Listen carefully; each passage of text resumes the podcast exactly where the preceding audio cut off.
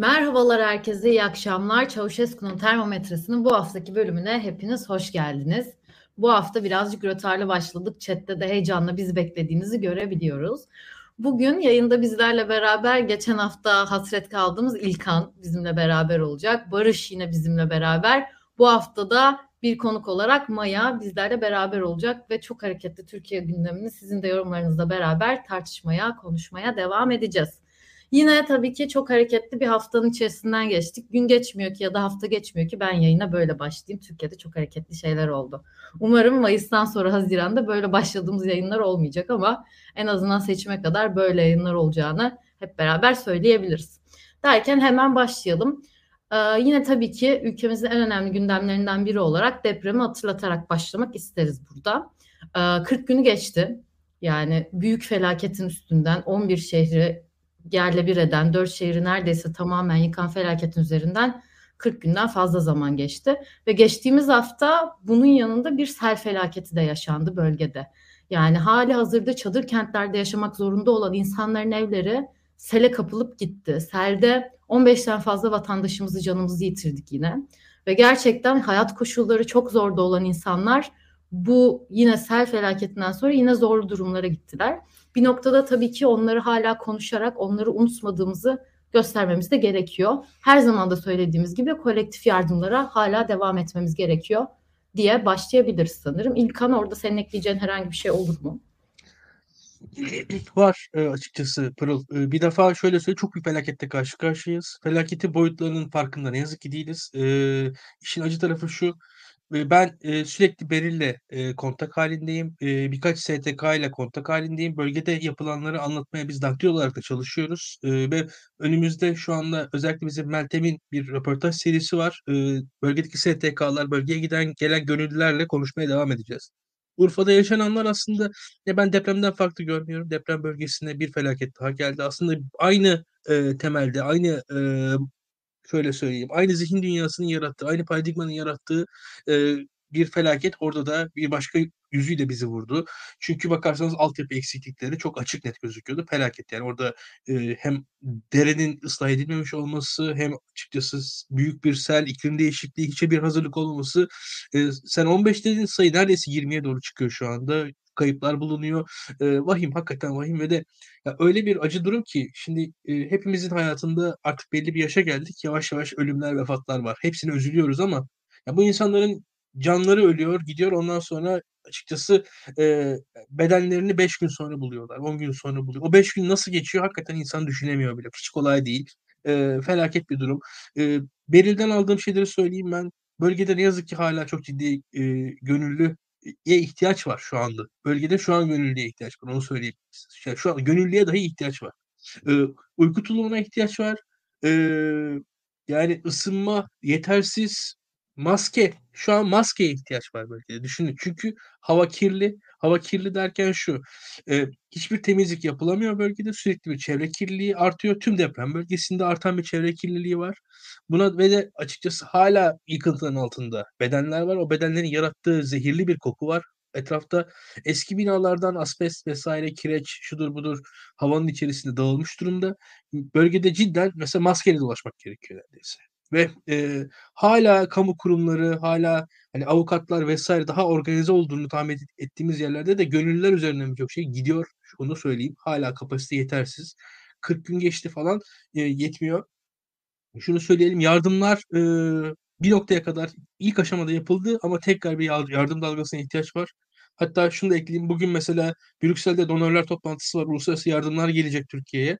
Ne kadar yardım geleceği, işte $1.000.000.000 eee, Avrupa Birliği veriyor gibi şu an ilk aşamada. Sonra $7.000.000.000'a kadar bir, eee, yükseltilecek gibi gözüküyor ama orada da hatta şöyle bir durum da var. Az çok hissedebiliyorsunuz. Doğrudan para Türkiye'ye verilmeyecek. Proje kapsamında verilecek. O yüzden de doğrudan parayı vermek istemiyorlar. Biraz bir kontrollü bir şekilde projeler üzerinden, eee, yani öte yandan hükümetse bu bu tarz, bürok prosedürel şeylerin, eee, yardımın boyutunu azalttığını söylüyor vs. öyle tartışmalar da dönüyor bu yardımlara dair. Eee, bu da ayrıca söylenmesi gereken bir şey, onu da ekleyeyim. Bunun yanında, eee, bölgede tabii ki bütün bütün eksiklikler, eee, giderek büyüyor. Yani ilk deprem zamanlarında bizim dediğimiz şu, şu, şu eksik dediğimiz şeylerin dışında da eksikler ortaya çıkmış durumda. Çünkü hayat devam ediyor. Hayat devam edildikçe hayatın içerisinde her şey gerekli. Her şey de eksik şu anda. Eee, hiç kolay değil, işimiz zor. Eee, şu an seçim sürecindeyiz ve nasıl olacak bilmiyorum. Gerçekten de bilmiyorum. Eee, çok ciddi bir maddi kaynak oraya aktarılması gerekiyor. Eee, bir yerden sonra, eee, gerçekten sağlam stratejiye ihtiyaç var diye düşünüyorum. Eee, her şey bitti, oldu, oh ne güzel falan. Yok öyle bir şey. Yani yok öyle bir şey. Gerçekleri konuşmak gerek. Imm, işimiz çok zor. Yani işimiz gerçekten çok zor. Cumhurbaşkanı Erdoğan 2 ay içinde 200.000 konut yanlış hatırlamıyorsam bunların yapımına başlayacaklarını ve pek çoğunu teslim edeceklerini söylemişlerdi ama senin de dediğin gibi şu anda konuta gelene kadar bölgenin eksiği olan çok çok çok daha fazla şey var ve insanların çok temel ihtiyaçları da şu anda yok. Onun dışında yardım kampanyalarından bahsettin. Yardım kampanyalarında iki ayağı var.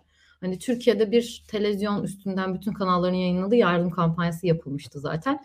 Buradaki yardımların şu an ifşa edileceği konuşuluyor. Çünkü o yardımların nerede olduğu şu an bir kısmının en azından nerede bilmiyor. Her yardım kampanyasında karşımıza çıkan telefonla arayıp para meblağını çok rahat söyleyen ama sonrasında yatırmaya gelince gerçekten aksiyona geçmekte sıkıntı yaşayan e, iş adamlarımız belki de var henüz onların da ortaya çıkmasını bekleyelim. Bir yandan da İletişim Başkanlığı'nın başlattığı senin de dediğin yurt dışından gelecek yardımlara ek bir yurt dışından yardım kampanyası başlattılar. Morgan Freeman'dan tutun pek çok ünlüye kadar videolar yayınladılar ve bir yardım kampanyası yapacaklarını duyurdular. O yüzden önümüzde hala çok uzun bir süreç var. Hem devlet eliyle yürütülecek hem de STK'ların toplayacağı yardımlarla orayı toparlayacak çok uzun süreçler var. Maya senin burada söylemek istediğin, eklemek istediğin herhangi bir şey olur mu? Var. Ben de e, rakamlara baktım. AFAD'ın açıklamasına göre bugün e, bugün itibariyle aslında 50.096 kişi yaşamını yitirmiş. İki gün önce Fuat Oktay'ın yaptığı açıklamada 49.589 diyor. Yani iki gün arasındaki farka baktığınızda 507 rakamını buluyorsunuz. İki gün içinde 507 insanın daha cansız bedenine ulaşılmış. Bu bize ne söyler bilmiyorum ve herkesi düşünmeye davet ediyorum açıkçası. Yanı sıra bunlardan sonra olan 20 insanın öldüğü sel felaketi yine aynı bölgede. Bilmiyorum bu ne söyler. Bu ne söyler söyleyeyim yani insanlar kaderine terk edilmiş durumda. Gerçekten kaderine terk edilmiş durumda ve çadırlarda kalan 2 milyonun 2 milyonun üzerinde insan olduğu söyleniyor. Görece şansı olan insanlar bu şehirleri terk etti, yakınlarının yanına gitti. Sen yanlış hatırlamıyorsam Mersinlisin. Sen de biliyorsundur. Mersin'in nüfusundaki Adana. Adanalısın pardon. Adana'da nüfusun nasıl değiştiğini, Mersin'de nüfusun nasıl değiştiğini, bölge hani bölgedeki diğer şehirlerde nüfusun nasıl değiştiğini şanslı olanlar görece bir şekilde şehirleri terk edip yeniden bir şeyler yapmaya başlıyorlar. Çoğu insanın çoğu insan için çok dramatik bir ortamdan bahsediyoruz. Ya bu, bunu zaten tahmin ediyorum herkes farkında ama asıl sorun yani bu bahsettiğimiz bağışlar, bahsettiğimiz tutarlar, bu tutarlarla ilgili insanlar e, çoğu insan şunu düşünüyor. Bu tutarlar yardım yardım ihtiyacı olan insanlara ulaş, ulaşmayacak. Bu yardımlar organize edilemeyecek diye düşünüyor. Ve bunu düşünmekte de kimsenin haksız olduğunu düşünmüyorum ben. Bu çok haklı bir korku. Bu çok yerinde bir korku. Çünkü e, yani şimdi burada ben hani popülist aynı şeyleri tekrarlamak istemiyorum. İşte Cumhurbaşkanı olsun, kabine olsun e, bu insanların birebir bu paralara ihtiyacı yok. Bu paraları e, kendileri için sormaya ihtiyacı yok aslında. Yani bunları bu insanların zaten mal varlıklarının ne kadar fazla olduğunu biz defalarca senelerdir konuşuyoruz. Ama sistem o kadar kötü ki, sistem o kadar kontrolden çıkmış durumda ki, yani bu Cumhurbaşkanlığı hükümet sistemi dediğimiz şey o kadar kontrolden çıkmış durumda ki e, bu yardımların hani Cumhurbaşkanı ya da kendi işte kabine üyeleri e, gerçekten tırnak içinde iyi niyetli insanlar olsa da bu paraların bir şekilde oluşması e, siz söyleyin bu paraların teslim edilmesi için böyle bir iradeleri de koysa yani böyle bir irade de ortaya koysalar fark etmez. Çünkü sistem o kadar hani kötü ki bu çember içindeki bu işte başından sonuna kadar en e, merkezi noktasından en lokal noktasına kadar olan o e, çember, o doğrusal hat baştan sona bozuk olduğu için e, bu paraların ulaşması ve bu insanların hak ettikleri yardım ve hak ettikleri muameleye e, muameleyi alabilmelerinin mümkün olduğuna çok inanmıyorum açıkçası. O yüzden çok üzgünüm. Bununla ilgili bunları söylemek istiyorum. Yani evet aslında çok da şey bir noktaya değindin. Bölgenin insanı senin dediğin gibi şanslı olanlar kaçtılar, başka şehirlere gittiler ama şöyle de bir gerçek var. Yani Adana'yı biliyorum. Adana 15 gün öncesine kadar hala hayalet şehirdi ki en az yıkım olan şehirlerden biri olduğunu söyleyebiliriz. Ki ama normal şartlarda baktığımızda 500 canın gittiği bir şehir normalde orası da bir felaket yaşadı. Oradaki insanlar da gerçekten bölgenin halkı şu anda hani hem psikolojik hem de fiziksel olarak felaket yaşıyor ama bir yandan da mesela İskenderun'da yaşayan aile dostlarımız İskenderun'u terk etmek istemediler. Biz burada kalıp bu şehri yeniden yaşatmak istiyoruz diye. Adıyaman'da yine başka bir aile dostumuz İstanbul'a gelmişlerdi. Dayanamadılar. Apar topar toplanıp tekrar Adıyaman'a gittiler. Bizim oraya sahip çıkmamız gerekiyor diye. Bu insanların oraya sahip çıktığı gibi, oraya ayağa kaldırmaya çalıştığı gibi bizim de çabalamamız lazım ve senin dediğin gibi bu hükümet sisteminde giden yardımların oraya ulaştığından emin olmamız lazım diye düşünüyorum ben de. Çok güzel bir noktaya değindin. Barış sen bir şeyler eklemek ister misin deprem konusunda? Ee, İlkan ve Maya ve sen e, söylenmesi gereken her şeyi söyledi bence. Ee, gerçekten çok üzücü bir durum. Yalnızca daha henüz yaşanan deprem, e, özür dilerim, sel felaketi için bile belki de ortalığın yıkılması lazımdı. İşte istifaların olması lazımdı e, hesapların sorulması lazımdı ama bir, o adeta kaynadı bile diyebiliriz arada. E, başlı başına çok büyük bir rezalet olmasına rağmen. E, tabii birçok sorunda olduğu gibi hayatımızda e, en azından belki de bir muhalif olarak benim gördüğüm e, yaraların düzgün sarılması için, o şehirlerin yeniden inşa edilmesi için e, muhakkak önce iktidarın değişmesi gerekiyor. E, iktidar değişmediği müddetçe e, sağlıklı bir e, süreç ben göremiyorum. Ve bütün izleyicilerimize, dinleyicilerimize de e, ellerinden ne geliyorsa yardımlara devam etme çağrısı yapıyorum. E, umarım e, umarım e, daha iyi olacak şekilde e, her geçen gün bir, bir tuğla koyacağız oralara. Yani işte hep beraber gerçekten oraları ayağa kaldırmak için elimizden geleni yapacağız ama dediğimiz gibi önümüzdeki 14 Mayıs değişimi de bunun için çok önemli. Ya birazcık deprem ve sel felaketinden birazcık seçim atmosferine geçelim şeyde de. Ya biliyorsun bir, bir kelime daha ekleyeyim. Ee, bu gönüllüler konusunda İstanbul'da biliyorsun Yeni Kapı'da bir paketleme merkezi var. Orada da gönüllüler hala çalışıyorlar şu anda da. Yani şöyle söyleyeyim. ilk günlerde oradaki gönüllü sayısı mesela e, şey çok yüksekti. Orada gelen gönüllüleri geri yolluyorlardı. Şu an aslında mesela şu an hala gönüllü var. Öyle söyleyeyim ama hani hemen hemen ucu ucuna yetiyor yani şu an. Hani hala gönüllü eksiği var diyemem orada mesela. Ben oraya giden arkadaşlarım var benim. Doğruya doğru daha böyle biraz daha gençler, hevesliler bu konularda gidiyorlar orada tanıdıklarımdan. Ee, yani orada ben orada daha hep öğrenmeye çalışıyorum gönüllü durumunu. Hatta bir sıkıntı olursa da buradan ilan da ederiz. Aman gönüllü lazım diye ama hani insanlara şöyle söyleyeyim e, fırsatı olan, imkanı olan e, böyle aramaya devam etsin. Çünkü hala ihtiyaç var. Yani hala ihtiyaç var. Bir STK'ya başvurabilirler. Çünkü şöyle söyleyeyim size depremin ilk anlarında e, bazı STK'ların bir kapasiteleri var. Yani bir STK diyelim 20 kişiyle maksimum çalışabiliyor. 50 kişi olduğu zaman işler bir iş ilerlemiyor yani orada. Ama şöyle bir durum o 20 kişinin çoğunluğu şu an normal işlerine döndüler bir ay sonunda. İster istemez hani bir e, herkesin bir çalışma kapasitesi var sonuçta ister istemez belli bir devri daim olması için, sistemin devam etmesi için aslında şu an tekrar bir gönüllü dalgası. STK'lara gidebilirler. Çünkü birçok STK da artık kendi enerjisi bittiği için, kendi maddi manevi kaynağı bittiği için, insan kaynağı bittiği için bölgeden çekilmek durumunda kalıyor şu anda. Bir de öyle bir durumlar var şu anda. Onu da ekleyelim.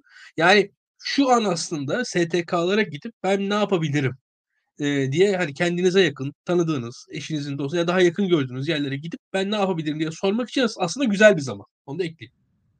Aynen öyle. Hala yani pek çok çeşitle yardım edebiliriz tabii ki bölgeye. Birincisi İlkan'ın dediği gibi STK'lara insan desteği olarak gidip sorup ihtiyaçlarına göre iş gücü ve insan desteği olarak yardımcı olabiliriz. İkincisi STK'lara maddi destek olabiliriz.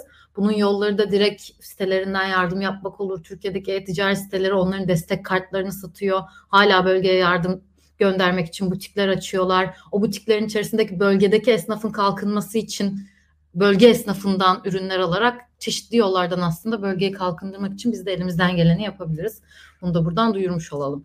Ya buradan aslında size şunu sorarak bir seçim ortamından seçim konuşmasına geçmek istiyorum. Biliyorsunuz önümüzde 14 Mayıs'ta bir seçim var. Yanlış hatırlamıyorsam 10 Nisan gibi de aday listeleri artık ilan edilmiş ve asılmış olacak. Şu anda da aday adaylık sürecini görüyoruz ve yani pek çok tabii ki şu anda söylem var. Özellikle bu deprem ve sel felaketlerinden sonra istifalarını göremediğimiz bürokratların hepsinin görevlerinden istifa edip pek çoğunun yani mesela bunda bir valiyi sanırım Adıyaman valisinin adını duymuştuk.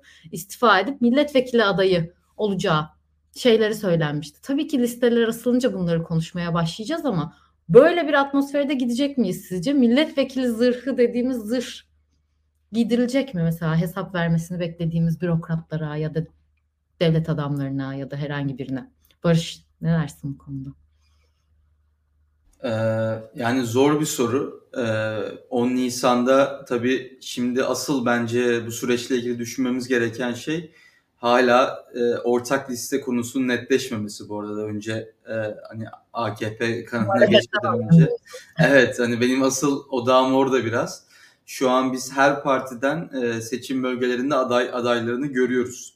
Hani ayrı ayrı Deva Partisi'nden de Demokrat Parti'den de İyi Parti'den de CHP'den de e, tabii belli yerlerde tek liste olacaktır. Benim şu an odam bu noktada.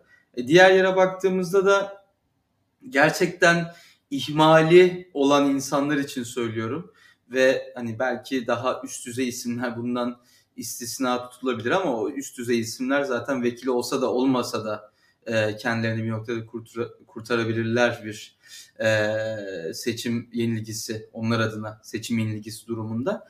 Ama e, çok da gerçekten suçlu olan varsa gerçekten çok e, çok büyük ihmalleri olan varsa hani milletvekili olmanın da e, çok bir fayda sağlayacağını da düşünmüyorum. E, bu noktada e, siyaset üstü bir mesele olursa da gerçekten kanıtlanırsa hani e, çeşitli fezlekeler görebiliriz e, belirli isimler için. E, o yüzden e, çok üstünde durduğum bir mesele değil açıkçası. Yani evet dediğin gibi ama bakalım 10 Nisan'da neler bize neyi gösterecek? Kimler nereden aday olacak? Çünkü şu anda en azından benim benim kendi çevremde aday adayı olmayan biz 4 kişi ya da 5 kişi kaldık gibi görüyorum Twitter'dan gerçekten. Bu yayındaki 4 kişi bir tek aday adayı olmadık. Çok hızlı bir seçim atmosferine girdik. Bugün de çok önemli gelişmeler yaşandı. Barış muhalefete çekiyor ama ben aslında hükümet tarafından bir konuşmaya başlamak istiyorum. Çünkü bugün en azından beni şoke eden bir gelişme yaşandı. Yani önceki haftalarda Fatih Erbakan'la Cumhur İttifakı'nın görüşmelerine tanıklık etmiştik. Hatta Binali Yıldırım başkanlığındaki bir heyet Erbakan'ın partisine yeniden Refah Partisi'ne ziyarete gitmişti. Bu birlikteliğin Cumhur İttifakı'na katılımlı olacağı konuşulmuştu. Hatta kadın hakları tarafından yeniden Refah Partisi'nin duruşlarından sonra Özlem Zengin'in bazı açıklamaları olmuştu. Bunun üstüne çok fazla konuşmuştuk. Bugün de bütün kanallar Fatih Erbakan'ın konuşmasını çekerken ve Cumhur İttifakı'na katılım açıklamasını beklerken bir ters köşe yaptı Fatih Erbakan hepimize ve sanırım çoğumuz bunu yapmasını beklemiyorduk ve Cumhurbaşkanı adayı olduğunu herhangi bir ittifakın parçası olmayacağını söyleyerek hepimizin gündemini bir anda değiştirdi. Bu aslında yeniden refahtan e, yeniden refahın muhalefetten çok oy çekeceğini ben açıkçası kendim düşünmüyorum. AK Parti seçmenine daha hitap edebilecek bir parti olabileceğini düşünüyorum ve AK Parti'den çok fazla o tarafa oy vermek istemeyip yeniden refah oy verebilecek insanlar olabileceğini düşünüyordum ve bunları Cumhur İttifakı'nda tutmak AK Parti için tabii ki çok karlı bir dönüş olarak tutabilecekti. Ama bu senaryo şu anda gerçekleşmedi ve yeniden refahın bu çıkışından sonra hem parti adına hem de Fatih Erbakan adına neler düşünürüz İlkan? Ben aslında Fatih Erbakan'ın kendisi için çok önemli bir adım attığını, siyasette bundan sonra ben de varım dediğini düşünüyorum silinmektense. Mikrofon kapalı. Hızlı birkaç şey söyleyeyim. Ee, bir defa e, dokunulmazlık için istifa edenlerin e, ya o, o hikayeyi çok bence satın almayın. Şöyle söyleyeyim.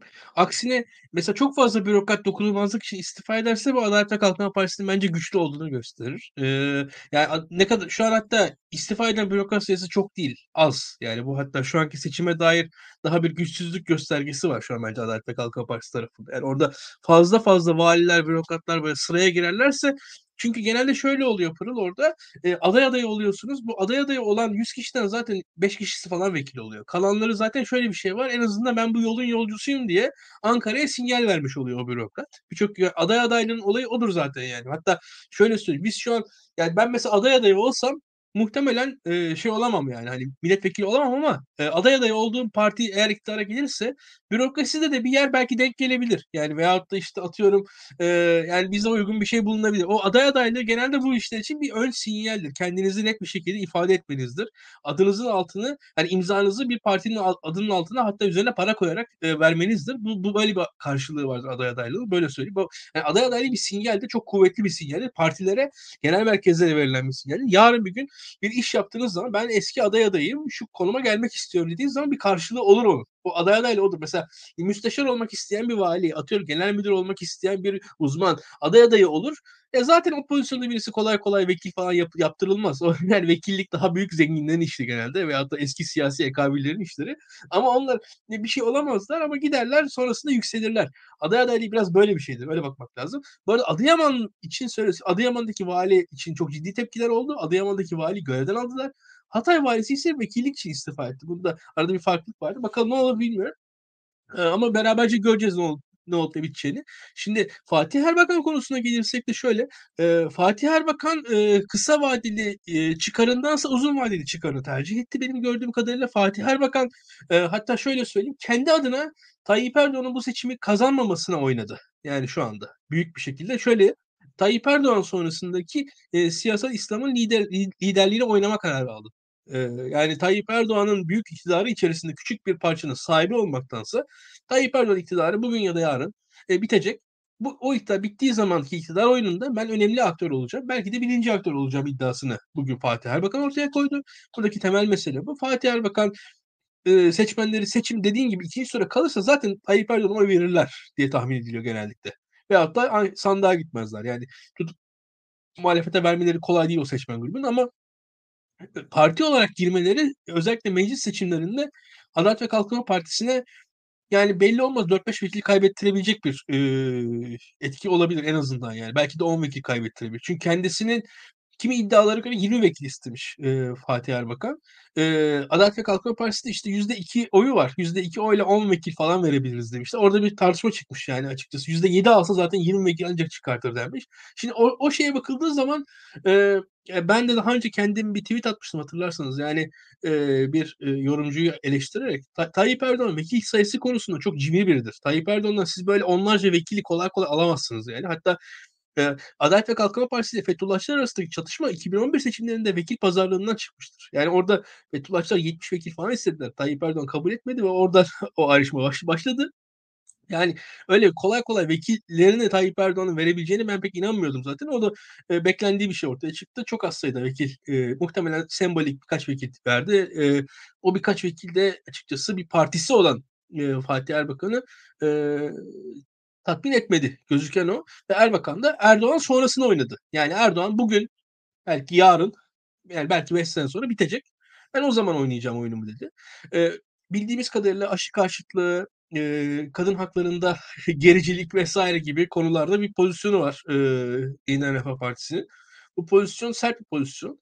E, ve bu sert pozisyonun da Türkiye'de ne yazık ki bir karşılığı var. E, pandemide gördük özellikle e, bir miting yapıldı ve o mitinge politik olarak en ciddi karşılık veren e, yapı e, Yeniden Refah Partisi'ydi. Ben Yeniden Refah Partisi hakkında bir buçuk iki sene önce politik yolda bir yazı yazdım. Yani Türkiye'de e, ya gerçekten o, o, orada bir hareket görüyorum ben. E, tehlikeli bir hareket görüyorum açıkçası. E, bu 62-84 e, özellikle genç yaşta evlilikler meselesi gibi meseleler Türkiye'nin önünde ne yazık ki tekrar tekrar geliyor. E, korkutucu şeyler bunlar. E, yani burada bir ve LGBT meseleleri işte yani o konuda da baskının arttırılmasını isteyen neredeyse talepler var. Hadi LGBT konusu Türkiye özgür falan bir ülke değil ama baskıyı yetersiz bulan gruplar var yani ülkede. Öyle garip bir noktadayız neredeyse.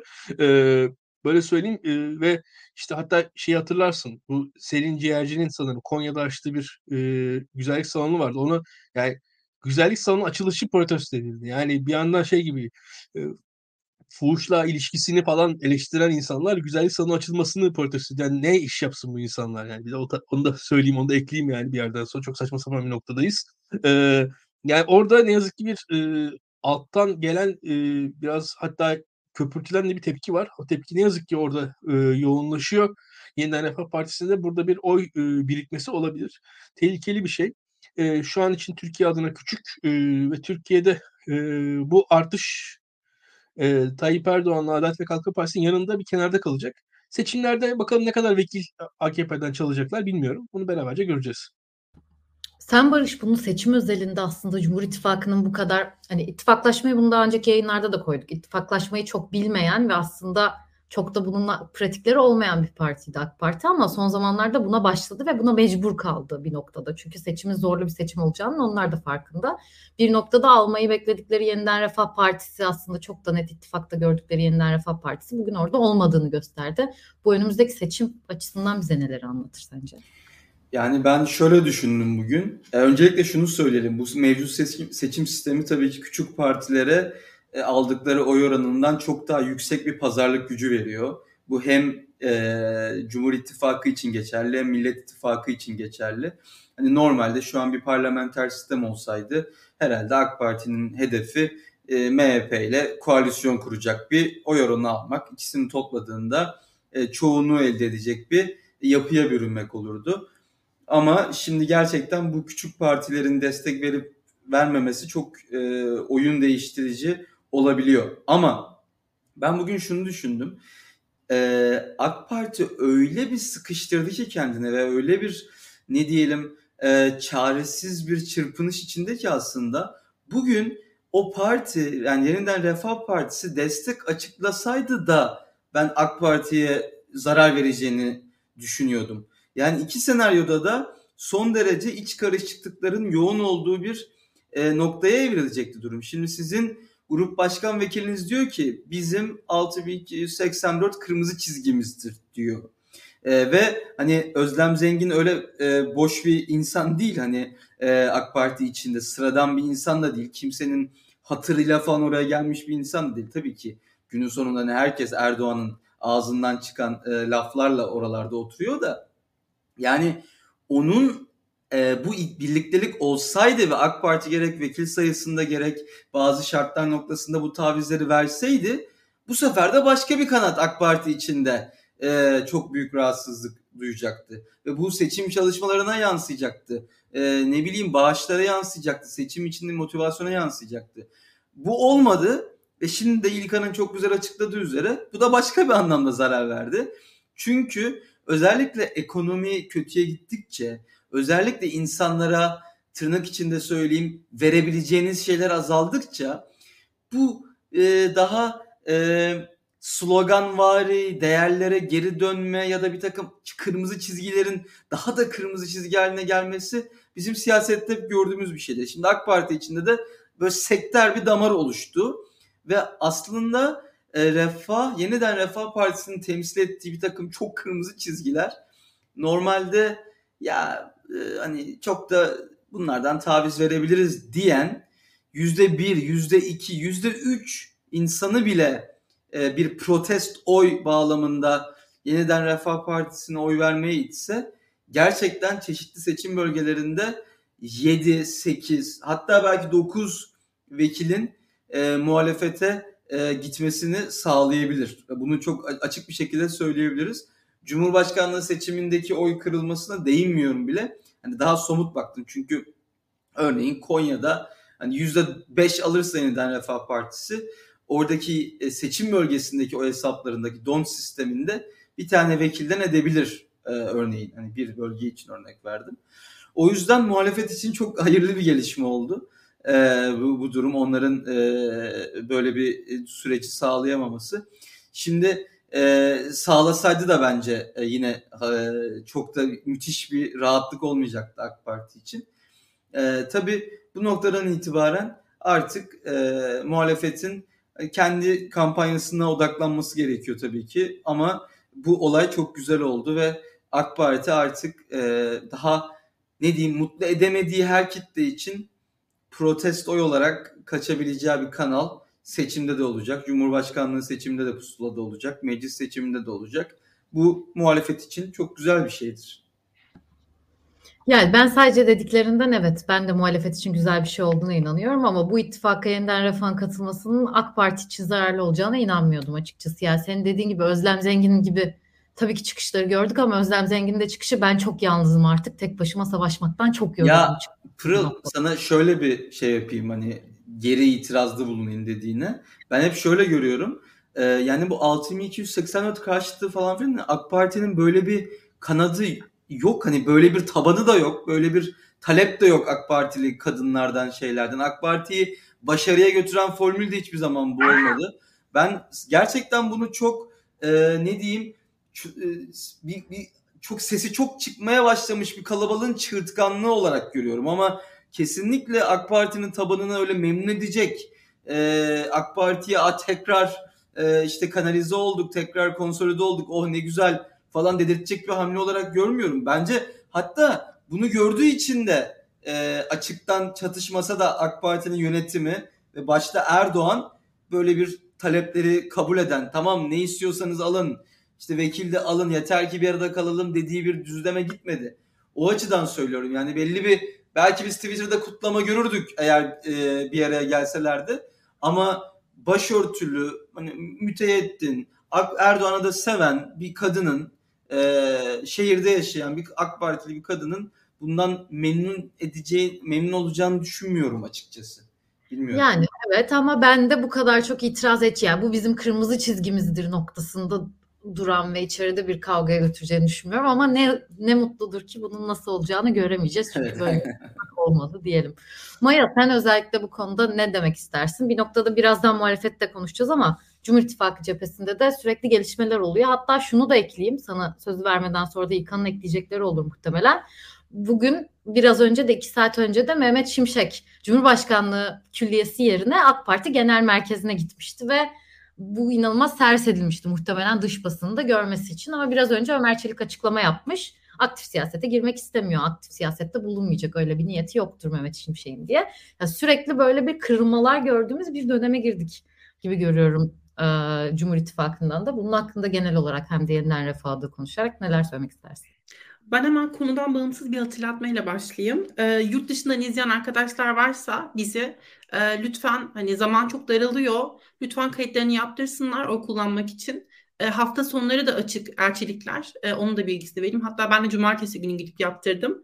E, 10 euro gibi bazen ücretler e, işte eğer adresi yakın zamanda e, 2 haftalık süreye geçirdikten sonra bildirdiyseniz 10 euro gibi böyle e, bazı ücretler kesilebiliyor ama e, kesilmeyebiliyor. Çünkü adres e, beyanla e, olan bir şey. O yüzden eğer iki haftalık bir zaman içinde taşındığınızı beyan ederseniz ki kimse bunu sorgulayamaz elçilikte bu şekilde e, ceza ödemekten de kurtulabilirsiniz eğer hani bu parayı ödemek istemiyorsanız diyelim.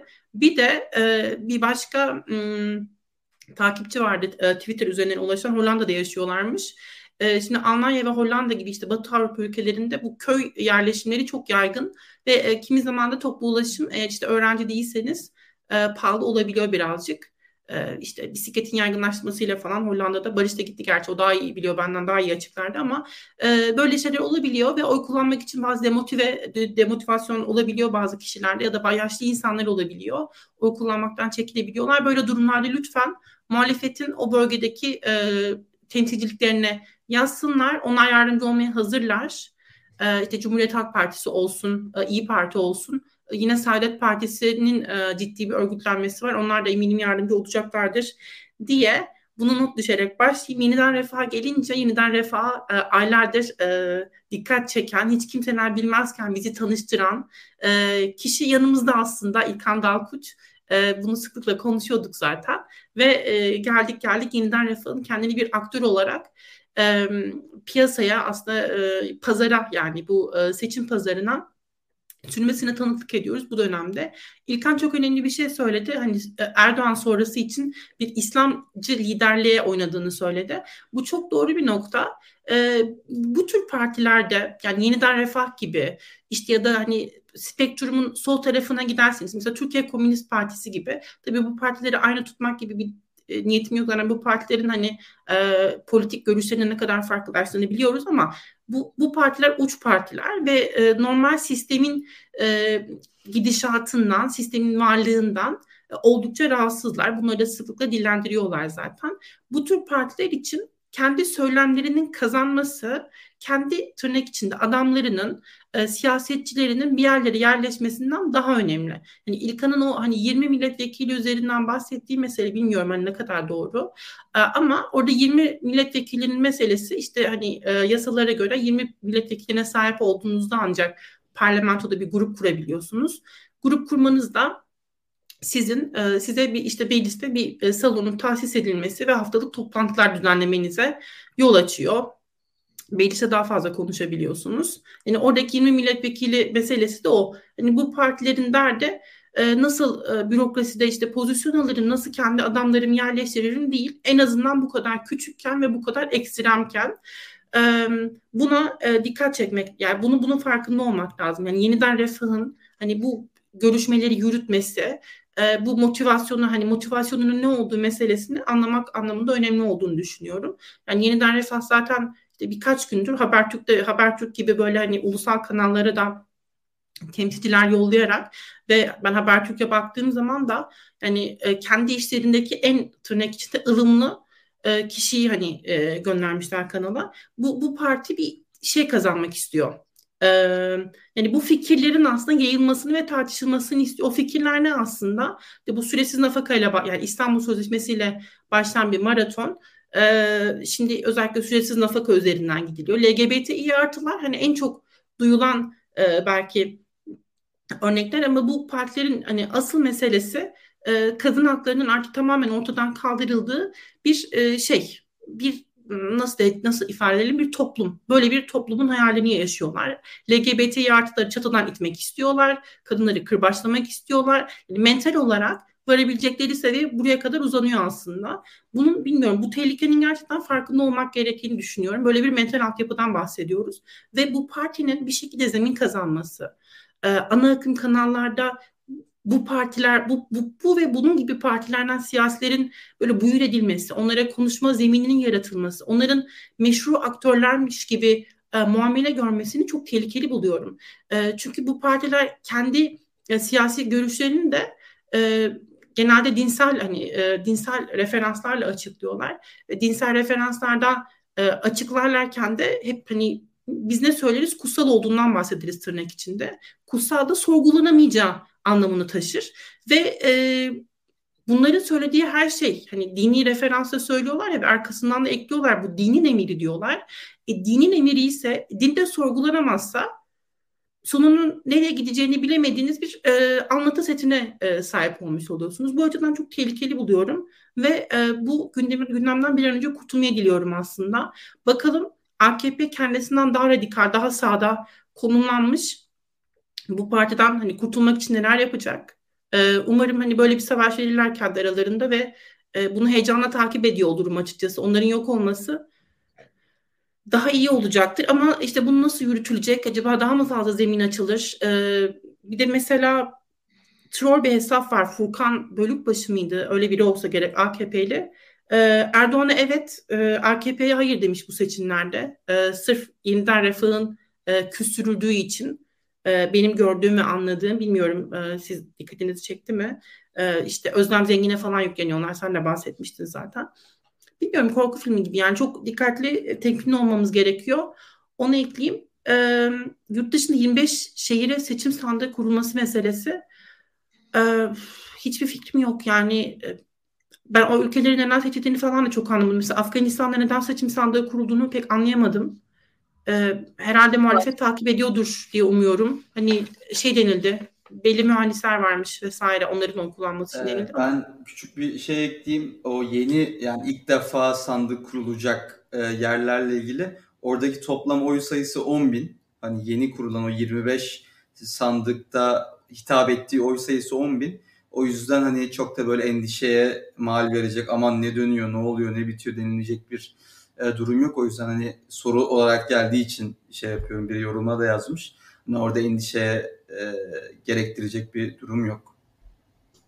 İyi inşallah 10 bin oya kal, kalmayız. Ee, o zaman da endişelenmeyiz. Ya ben de açıkçası e, bugün e, çeşitli siyasilerden dinlediğim kadarıyla iyi çalışılıyor bu süreç. Ee, ben de güvenmek e, taraftarıyım. Güveniyorum da. Ee, o yüzden korkmayalım arkadaşlar. Evet, birazcık şeyden saptık tabii ki. Şu an tekrar şeyimize dönelim. Birazcık hükümeti konuştuk. Cumhur İttifakı cephesini konuştuk. Muhalefet tarafını konuşalım. Muhalefet tarafında da bugün e, yine önemli gelişmeler oldu. 18 Mart'ta yapılması beklenen HDP ziyareti, Kemal Kılıçdaroğlu'nun HDP ziyareti bugün artık yapıldı. Yani hepimiz HDP kendi adayını çıkaracak mı yoksa Kemal Kılıçdaroğlu'nu destekleyecek diye hala beklerken bu görüşme sonrasında aslında Kemal Kılıçdaroğlu'na destek vereceklerini az söyleyebileceğimizi düşünüyorum ben kendi adıma. Ama tabii ki bu görüşme diğer cephelerde de farklı diskurları, farklı tartışmalara yol açtı. Bunun hakkında ne düşünüyoruz? Ya burada her zaman aslında Burak Hoca'yı da şey yapmış olalım. O da her zaman söylüyor yani İyi Parti'nin, CHP'nin, HDP'nin içinde olmadığı bir çözüm önerisi bu Cumhurbaşkanı sisteminde bu seçimi kazanmak için hiçbir zaman seçimi kazandıracak sistem olmaz. Herkesin dahil olduğu bir şey olması gerekiyor diye. Gerçekten bu sisteme gidiyor gibiyiz en azından Cumhurbaşkanlığı seçiminde. Bu gelişmeler nasıldır? Bunu nasıl yorumlarsın Barış? Ee, İlkan sen başlayabilir misin şu an bir İlkan devam edelim o zaman. Aşk Tabii olsun başlayabilirim. Ama ya ben bu yayında bugün, bugün hissettim kendimi. yani tabii ki başlarım. Bir defa şunu söylemek lazım. Kemal Kılıçdaroğlu'nun muhalefette aday olarak, muhalif %50 üzerinde aday olarak öne çıkışının arkasında aslında temelde bu HDP ile olan yakın ilişkisi yatıyor. Yani çünkü Cumhuriyet Halk Partisi'nin genel başkanı, Cumhuriyet Halk Partisi'nin genel başkanı olarak bir e, bir gücü var ve bunun yanında HDP ile de HDP'lilerin de açıkçası muhalefet içerisinde tercih ettikleri e, figür olarak öne çıkmış durumda. Yani mesela Mansur Yavaş'ın adaylığı pozisyonunda HDP'lilerden gelecek destek e, ortada şüpheliydi. Meral Akşener'in adaylığı durumunda öyle bir destek olma ihtimali çok zordu. E, bu da düşündüğü zaman muhalefette yani Cumhuriyet Halk Partisi'nin %25'lerde bir oyu, HDP'nin %10'un üzerinde bir oyu, %37 civarında bir oy, oya tekabül ediyor bu HDP artı CHP pozisyonu. E, ve bu da ister istemez muhalif kesimin çoğunluğunu oluşturuyor. Muhalefetin çoğunluğunu oluşturan bu bu pozisyon acaba iktidara gelebilir mi? Soru burada. Zaten e, temelde de Kılıçdaroğlu'na da asıl saldırılar. E, yani Ekrem İmamoğlu'nun olduğu gibi e, HDP ile ilişkiler, tırnak içinde terörle ilişkiler, PKK ile ilişkiler üzerinden gelecektir diye tahmin ediyorum.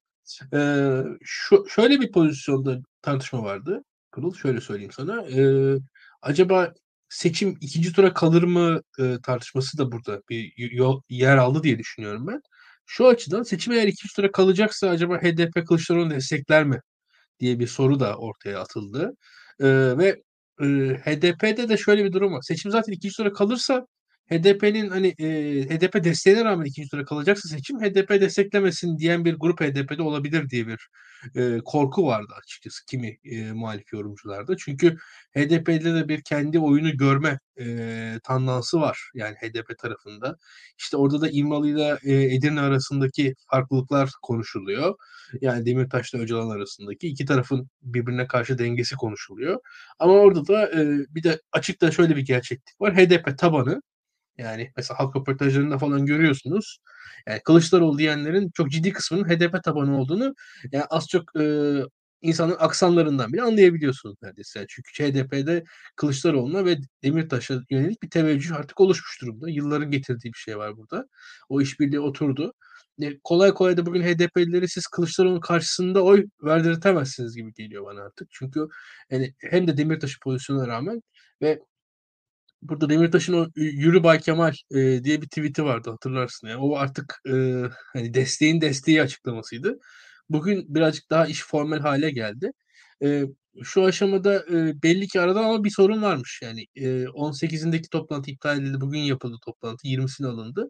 E, ona zarif bir açıklama buldular işte. Kürt meselesindeki çözüm parlamentoda olsun diye mecliste hani partide değil mecliste toplandık falan diye hoş bir açıklama yaptılar. E, ben çok inanmadım o açıklamaya açık konuşayım ama yani hani ama güzel zarif yani. Orada da siyasi kabiliyetler açısından çok beğendiğim bir açıklama oldu. Ben böyle bazı açıklamaları beğenirim Pırıl. Mesela e, bu en son Aselsan'ın başındaki yetkili e, S-400'leri S-400'e ihtiyacımız yok diye bir açıklama yaptı. Yerli milli sistemle hallederiz mesela hava savunmasını dedi. O aslında Amerika'ya yakınlaşma açıklaması ama aşırı yerli milli tonda yapıldığı için e, herkes hiç kimse rahatsız olmuyor. E, bazen böyle zarif açıklamaları yapan insanları içimden hangi tarafta olursa olsun takdir ediyorum yani. Hakikaten. İlkan e, Türkiye Makarna Üreticileri Federasyonu Başkanı Nihat Bey'in makarnaya boğarız açıklaması da e, Aynen öyle. Zor aynen. zamanlarda. zamanda bizim kesinlikle öyle. Ya bu bir açıklama yapmak hakikaten bir sanat. Yani orada bu becerikli insanları takdir ediyorum.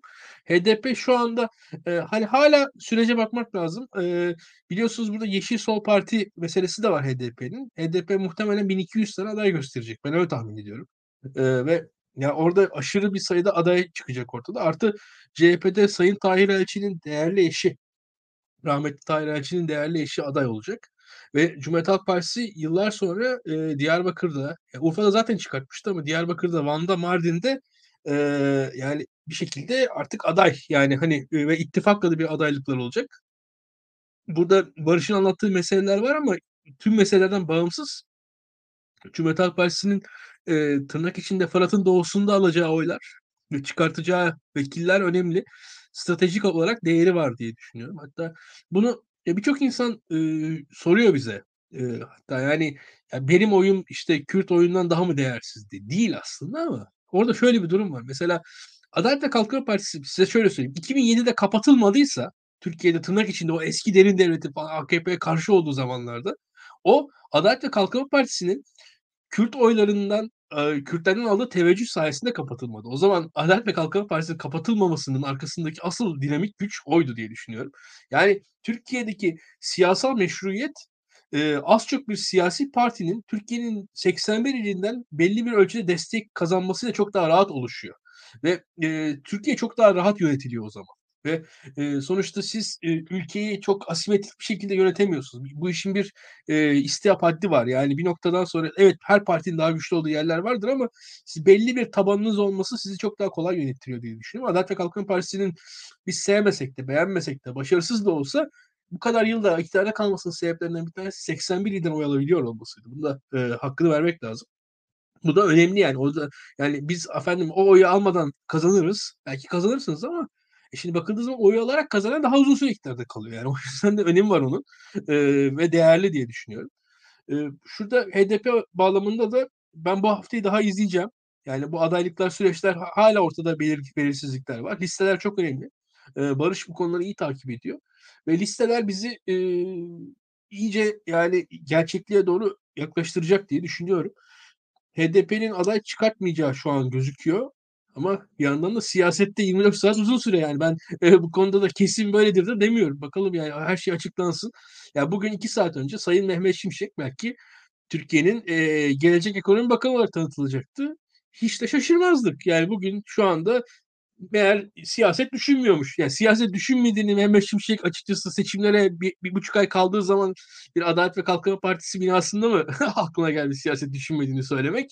Ya bu da tabii gerçekçi değil. Biz de bir farkındayız bunların. Mehmet Şimşek ikna edilememiş. Ee, az çok o da kendi son 5 yılını hatırlıyordur muhtemelen. Son 5 yıl boyunca pek de bir e, etkisi yoktu bakan olarak. Umarız e, iyi bir hafızası varmış. O 5 yılı hatırla, hatırlamasını faydalı buldum kendisi adına.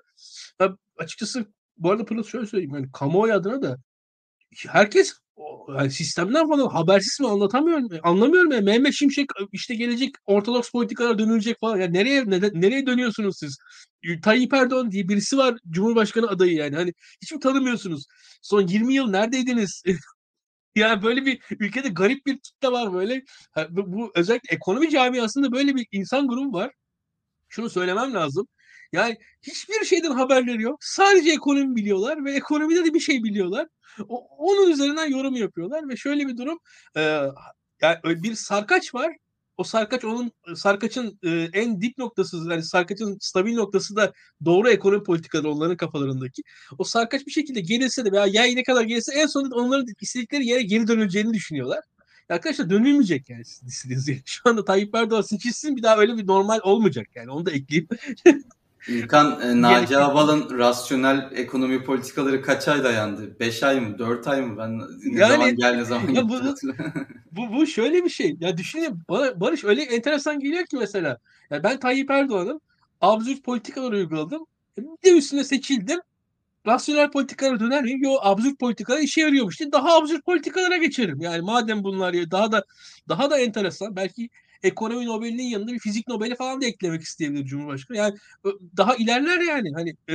ya şöyle şey yapayım. Geçen hafta biz aslında Caner Hoca ile konuşurken de ne olursa olsun şu an gerçekten ekonominin kim seçilirse seçilsin bir şekilde değişiklikler yapılmak zorunda. Evet dediğin gibi Tayyip Erdoğan faktörü olacak ama yani öbür türlü seçimi Cumhur İttifakı kazandığı takdirde de çok sert ekonomik yaptırım değişiklikler göreceğimizi aslında beklediğimizi söyleyebilirim. Evet dediğin gerçekler doğru. Mehmet Şimşek konusunda da iki senedir sürekli adı geçer ama her seferinde de aktif siyasete dönmek istemediği, şu anki hayatından mutlu olduğu konuşulur.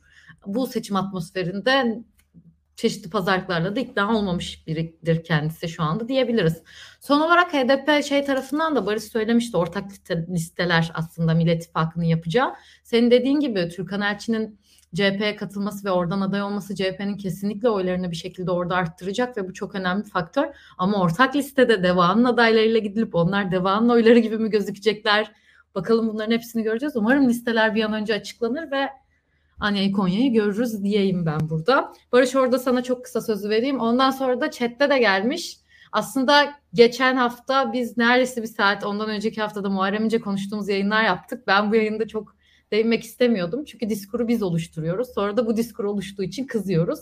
Ama son olarak da Maya'ya bu konuda söz vereceğim. Senin bu konu hakkındaki çok kısa yorumlarını aldıktan sonra Barış. Tabii hemen yorumumu yapayım. Öncelikle az önce e, özür dilerim. Kapıyı açmam gerekti. E, hem Pırıl'dan hem de dinleyicilerimizden sözü İlkan'a verdim. İlkan'ın da çok rahatsız olduğunu sanmıyorum daha fazla analiz yapmaktan. O yüzden e, şimdi bu HDP görüşmesine gelecek olursak zaten fark ettiyseniz e, beklenilen, muhalefetin kendi kendini korkuttuğu bir infial yara, yara, yara olmadı. Olmayacak da. Seçimden sonra da e, gere, bir takım durumlar, ilişkiler olduğunda, normalleşme olduğunda olmayacak.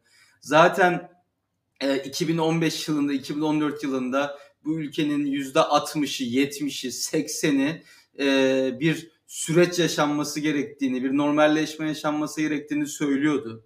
Açın bakın Cumhuriyet Halk Partisi e, daha çok yöntemlerle ilgili itiraz yapıyordu. Kesinlikle bu sürece kökten siz PKK ile görüşüyorsunuz, şunla yapıyorsunuz gibi bir söylem yoktu. Bütün bu nasıl HDP ile bir araya gelir, nasıl HDP gidip şey yapar söylemleri e, AK Parti'nin ülkedeki vatandaşları birbirine ne diyelim kırdırması politikasının sonucunda yeni böyle bir tabu, kırmızı çizgi falan olmuş bir süreç. Biz bunları aşmıştık. 2018'de de aşmıştık. Muharrem İnce de bunu aşmıştı. Şu an her ne kadar e, farklı bir tavır gösterse de. E, bu, bu gayet bu görüşme olumlu görüyorum. E, günün sonunda HDP'nin aday çıkarmayacağını düşünüyorum. E, milletvekilleri listesi geldiğinde gerçekten milletvekili çok enteresan bir mevzudur. E, yani düşünün tek bir ha- hareketle e, siyasi bütün gündeminizi geçtim ya da siyasi arzularınızı, ideallerinizi geçtim. Bütün hayatınızın baştan aşağı değişeceği bir e, düzlem.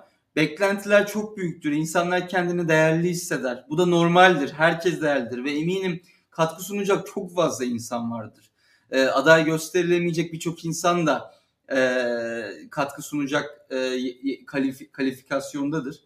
Ee, insanlar üzülecek bunu söyleyeyim. Yani 10, 10 Nisan'da biz bir liste göreceğiz. Aşağı yukarı kimin seçildiğini göreceğiz. Ve belli bir takım insanlar için de seçilebilir mi seçilemez mi arada olduklarını göreceğiz. Ama ben hep şunu söylüyorum.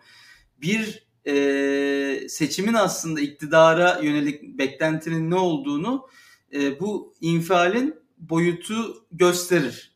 Yani şimdi eğer muhalefetin seçimi kazanacağını düşünüyorsa e, vekil adayları diyelim. E, ne, biraz daha ses çıkarmama yoluna giderler. Çünkü neticede e, ne diyelim iktidar geldikten sonra e, zorluk çıkarmamış insanlara her zaman e, bir takım e, yerler bulunur e, değerlendirilecek diyeyim. Hani bunu böyle desteklediğim ya da desteklemediğim söylemiyorum. Akışı söylüyorum size. Nasıl işlediğini söylüyorum maalesef Türkiye'de. O yüzden adaylık tartışmalarında ortak liste olduktan sonra ben e, muhalefetin mevcut ivmesini de göz önünde bulundurduğumuzda beklenilenden çok daha az bir e, ne diyelim karmaşa çıkacağını e, ve iktidarın seçime yönelik e, tutumuna, söylemine devam edeceğini öngörüyorum. Ee, şeye geçmeden önce hani Maya'ya Muharrem İnce kısmı için sözü vermeden önce ben de çok kısa ekleyeyim. Şimdi gerçekten e, dün Özgür Özel'i izledim. Bugün Kemal Kılıçdaroğlu'nun açıklamasını dinledik. Şunu görüyoruz. CHP bu kısma odaklanmadan, bu kısmı aslında biraz pırıl, gümürdülü e, stratejisiyle e, ne diyelim e, onun sesi olmadan e, yürütmeye karar vermiş bu kesin. E, çünkü Kılıçdaroğlu'nun aslında bugün yaptığı açıklamada biz başka bir hikayenin peşindeyiz. Biz başka bir şey anlatıyoruz. Biz başka bir şeyin kavgasını veriyoruz. Bu tarz meselelere girmeyeceğiz. Bu tarz e, ihtilaflara e, bulaşmayacağız demek istiyor aslında. Dün Özgür, Özgür Özel de Habertürk'te açın izleyin. Şunu dedi. Aday olmak hakkıdır. Başarılar diliyoruz. Biz başka bir adayı destekliyoruz. Ee, onun o da değerli bir insandır. Eski mesai arkadaşımızdır gibi bir söyleme e, büründü. E, ve belki de gerçekten doğru yöntem budur. E, ben de artık sosyal medyada beni takip edenler bilir. Hani normalde günde 3 tweet falan hani Muharrem İnce'nin benim sinir katsayımı yükselttiği çıkışlarını hemen cevap yetiştirirken biraz artık o konulara girmiyorum. E, o konuyla ilgili yazıp çizmiyorum. Gerçekten hani Muharrem İnce'ye bir şey anlatmaya çalışırken o veya bu şekilde samimi şekilde Muharrem İnce'yi desteklemiş insanları da özellikle e, düşmanlaştırmamak gerekiyor. Neticede biz günün sonunda o insanların bizim adayımıza, hani bizim desteklediğimiz adaya oy vermesini bekliyoruz ve arzuluyoruz. Ee, çok kısa bunu da ekledikten sonra e, herhalde Maya'ya sözü vereceğiz diye tahmin ediyorum. Alayım mı sözü? Tabii. Tamam. Ya şey, e, Muharrem İnce ile ilgili aslında hep genelde oyları bölme ihtimalinden bahsediliyor ve bunun üzerinden konuşuluyor. Ben biraz daha ihmal edilen ve gözden kaçırılan bir noktaya dikkat çekmek istiyorum aslında. O da Muharrem İnce'nin e, kendi kampanyasını yürütürken kullandığı dil, kendini konumlandırışı ve kendini konumlandırışının aslında muhalefetin anlatısına zarar verme ihtimali. Ve aslında bunun da e, seçim kampanyalarını aslında seçim kampanyalarını yani bu zaman daraldığında ki şu an e, 60 günden az zaman kaldı 54 gündü sanırım 54 günlük süreçte e, mesele bu işte gri bölge denilen yani kararsız e, oy kullanıp kullanmayacağı belli olmayan belki ya da kendini e, sandığa götürecek işte kadar motive hissedip hissetmeyen e, ya da işte bu e, nasıl nasıl ifade edeyim adaylardan birisi arasında kararsız kalmış insanların o tercih üzerine yürütülüyor temelde ve bunların aslında oyunun e, ne, ne ölçüde değişip değişmediği e, bütün e, kampanyanın içeriğini oluşturuyor ve muhalefet de yani altılı masa aslında e, bir kampanya yürütüyor işte onların anlatısı ne? Demokrasinin daha iyi olacağını söylüyorlar. Bir arada birlikte çalışmanın daha iyi olacağını söylüyorlar. Bu şekilde karar alma mekanizmalarının ilerletilmesinin ülke için iyi olmadığını söylüyorlar. Ve yaşadığımız tüm sorunların aslında sistemin kendisiyle alakalı olduğunu iddia ediyorlar. Ve bunun için bir politika seti öneriyorlar. Muharrem İnce ise kendini e, ifade edişi, kendini e, anlatışı ve muhalefetteki çeşitli aktörleri sürekli hedef alışıyla tam da buna saldırıyor. De ne söylüyor? E, işte Ali Babacan, Davutoğlu gibi aktörlerin tırnak içinde geçmişlerini hatırlatıyor. Sanki hiç kimse bilmiyormuş gibi. Ve e, muhalefetin bir şekilde yani Kılıçdaroğlu'nun Cumhurbaşkanlığı aday, adaylığının ve kazanabilme ihtimalinin e, gerçek yani bunun gerçek olabilmesi ancak hep söylediğimiz gibi aslında Cumhuriyet Halk Partisi'ne, İyi Parti ve Halkların Demokratik Partisi'ne daha önce oy vermiş seçmenlerin bir şekilde mobilize olup Kılıçdaroğlu'na e, bu sefer bu oyu veriyor olmaları. Ama e, hani sanki bu böyle değilmiş gibi HDP'yi düşmanlaştırarak ve muhalefetin HDP ile kurduğu diyaloğu zehirleyerek yani bu, bu amacı güderek ve bunu hani çok çirkin, çok kirli, e, çok ahlaksız ve bir şekilde hani yine AKP'nin söylemini benimsemek suretiyle bir şekilde terör örgütü hani bağlantısını e, bağlantısı olduğunu iddia eder, edercesine adeta e, bu şekilde pazarlıyor ve çıktığı tüm kanallarda da bir şekilde konu buna geliyor ve bunun üzerinden kendini konumlandırmaya çalışıyor. Oysa ki e, Muharrem İnce'nin yani hepimiz aşağı yukarı hatırlıyoruz ki partiden ayrılış süreci Kılıçdaroğlu'na karşı yürüttüğü işte ben genel başkan olayım meselesinin çözümlenmemiş olması ve kendini e, daha iyi yapacağına ilişkin yani şöyle şöyle ifade edelim Cumhuriyet Halk Partisi'ne e, Cumhuriyet, Cumhuriyet Halk Partisi'ndeki çeşitli kuruta, kurultaylarda e, Kılıçdaroğlu'nun karşısına çıktı.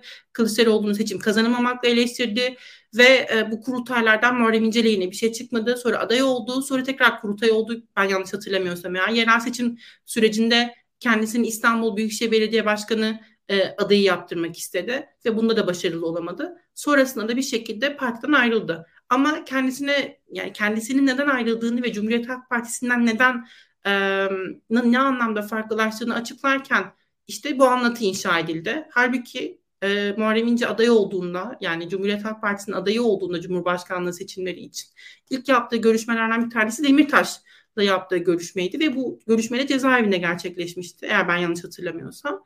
E, yani bir tutarsızlık aslında örneğinden bahsediyoruz ve dediğim gibi buradaki asıl e, altını çizmek istediğim şey e, seçim kampanyalarında hani zaman bu kadar daralmışken anlatılar yarışıyor ve Muharrem İnce'nin muhalefete vereceği en büyük zarar e, bu bahsettiğimiz anlatı setiyle yani muhalefeti kriminalize ederek altılı masayı e, AKP'nin bir benzeri olarak tarifleyerek HDP ile bağlantılı HDP ile bizim görmediğimiz, bilmediğimiz hani çeşitli komplolarla açıklanabilecek türden ilişkilerle itham ederek bu süreci zehirlemeye çalışıyor. Ben en büyük tehdidin aslında Muharrem İnce'nin yarattığı en büyük tehdidin bir şekilde e, kendini muhalefetle ilişkilen, ilişkilendiren insanların hani sandığa gitmemesi e, şeklinde zuhur edebileceğini düşünüyorum.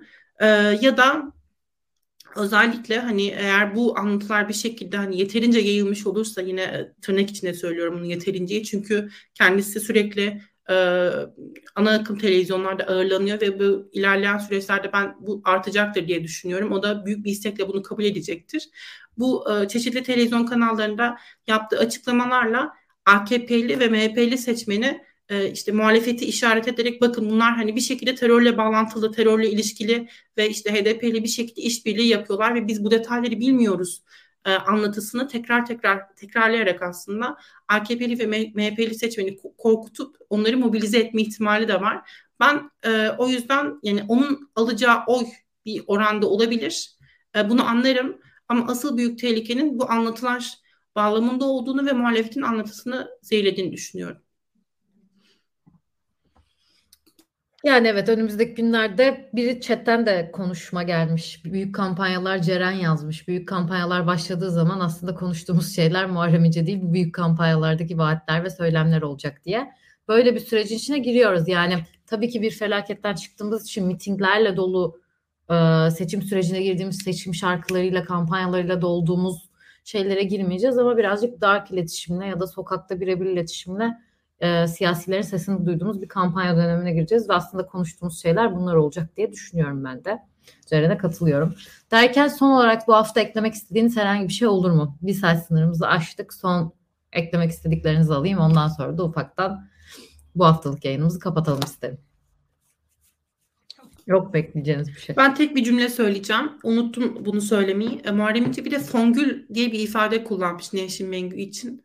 Yani ne kadar çirkin. Özellikle bu kadın gazetecilerle kurulan iletişimde bu şekildeki tabirler ve özellikle yine yine bu anlatının parçası olarak aslında e, bir batı eli varmış gibi, bir batı yönlendirmesi, bir e, batı dairiyeti varmış gibi böyle kompletörlerini besleyen e, bu korkunç açıklamaları bir set çekilmesi gerektiğini düşünüyorum. Ve midem bulanıyor.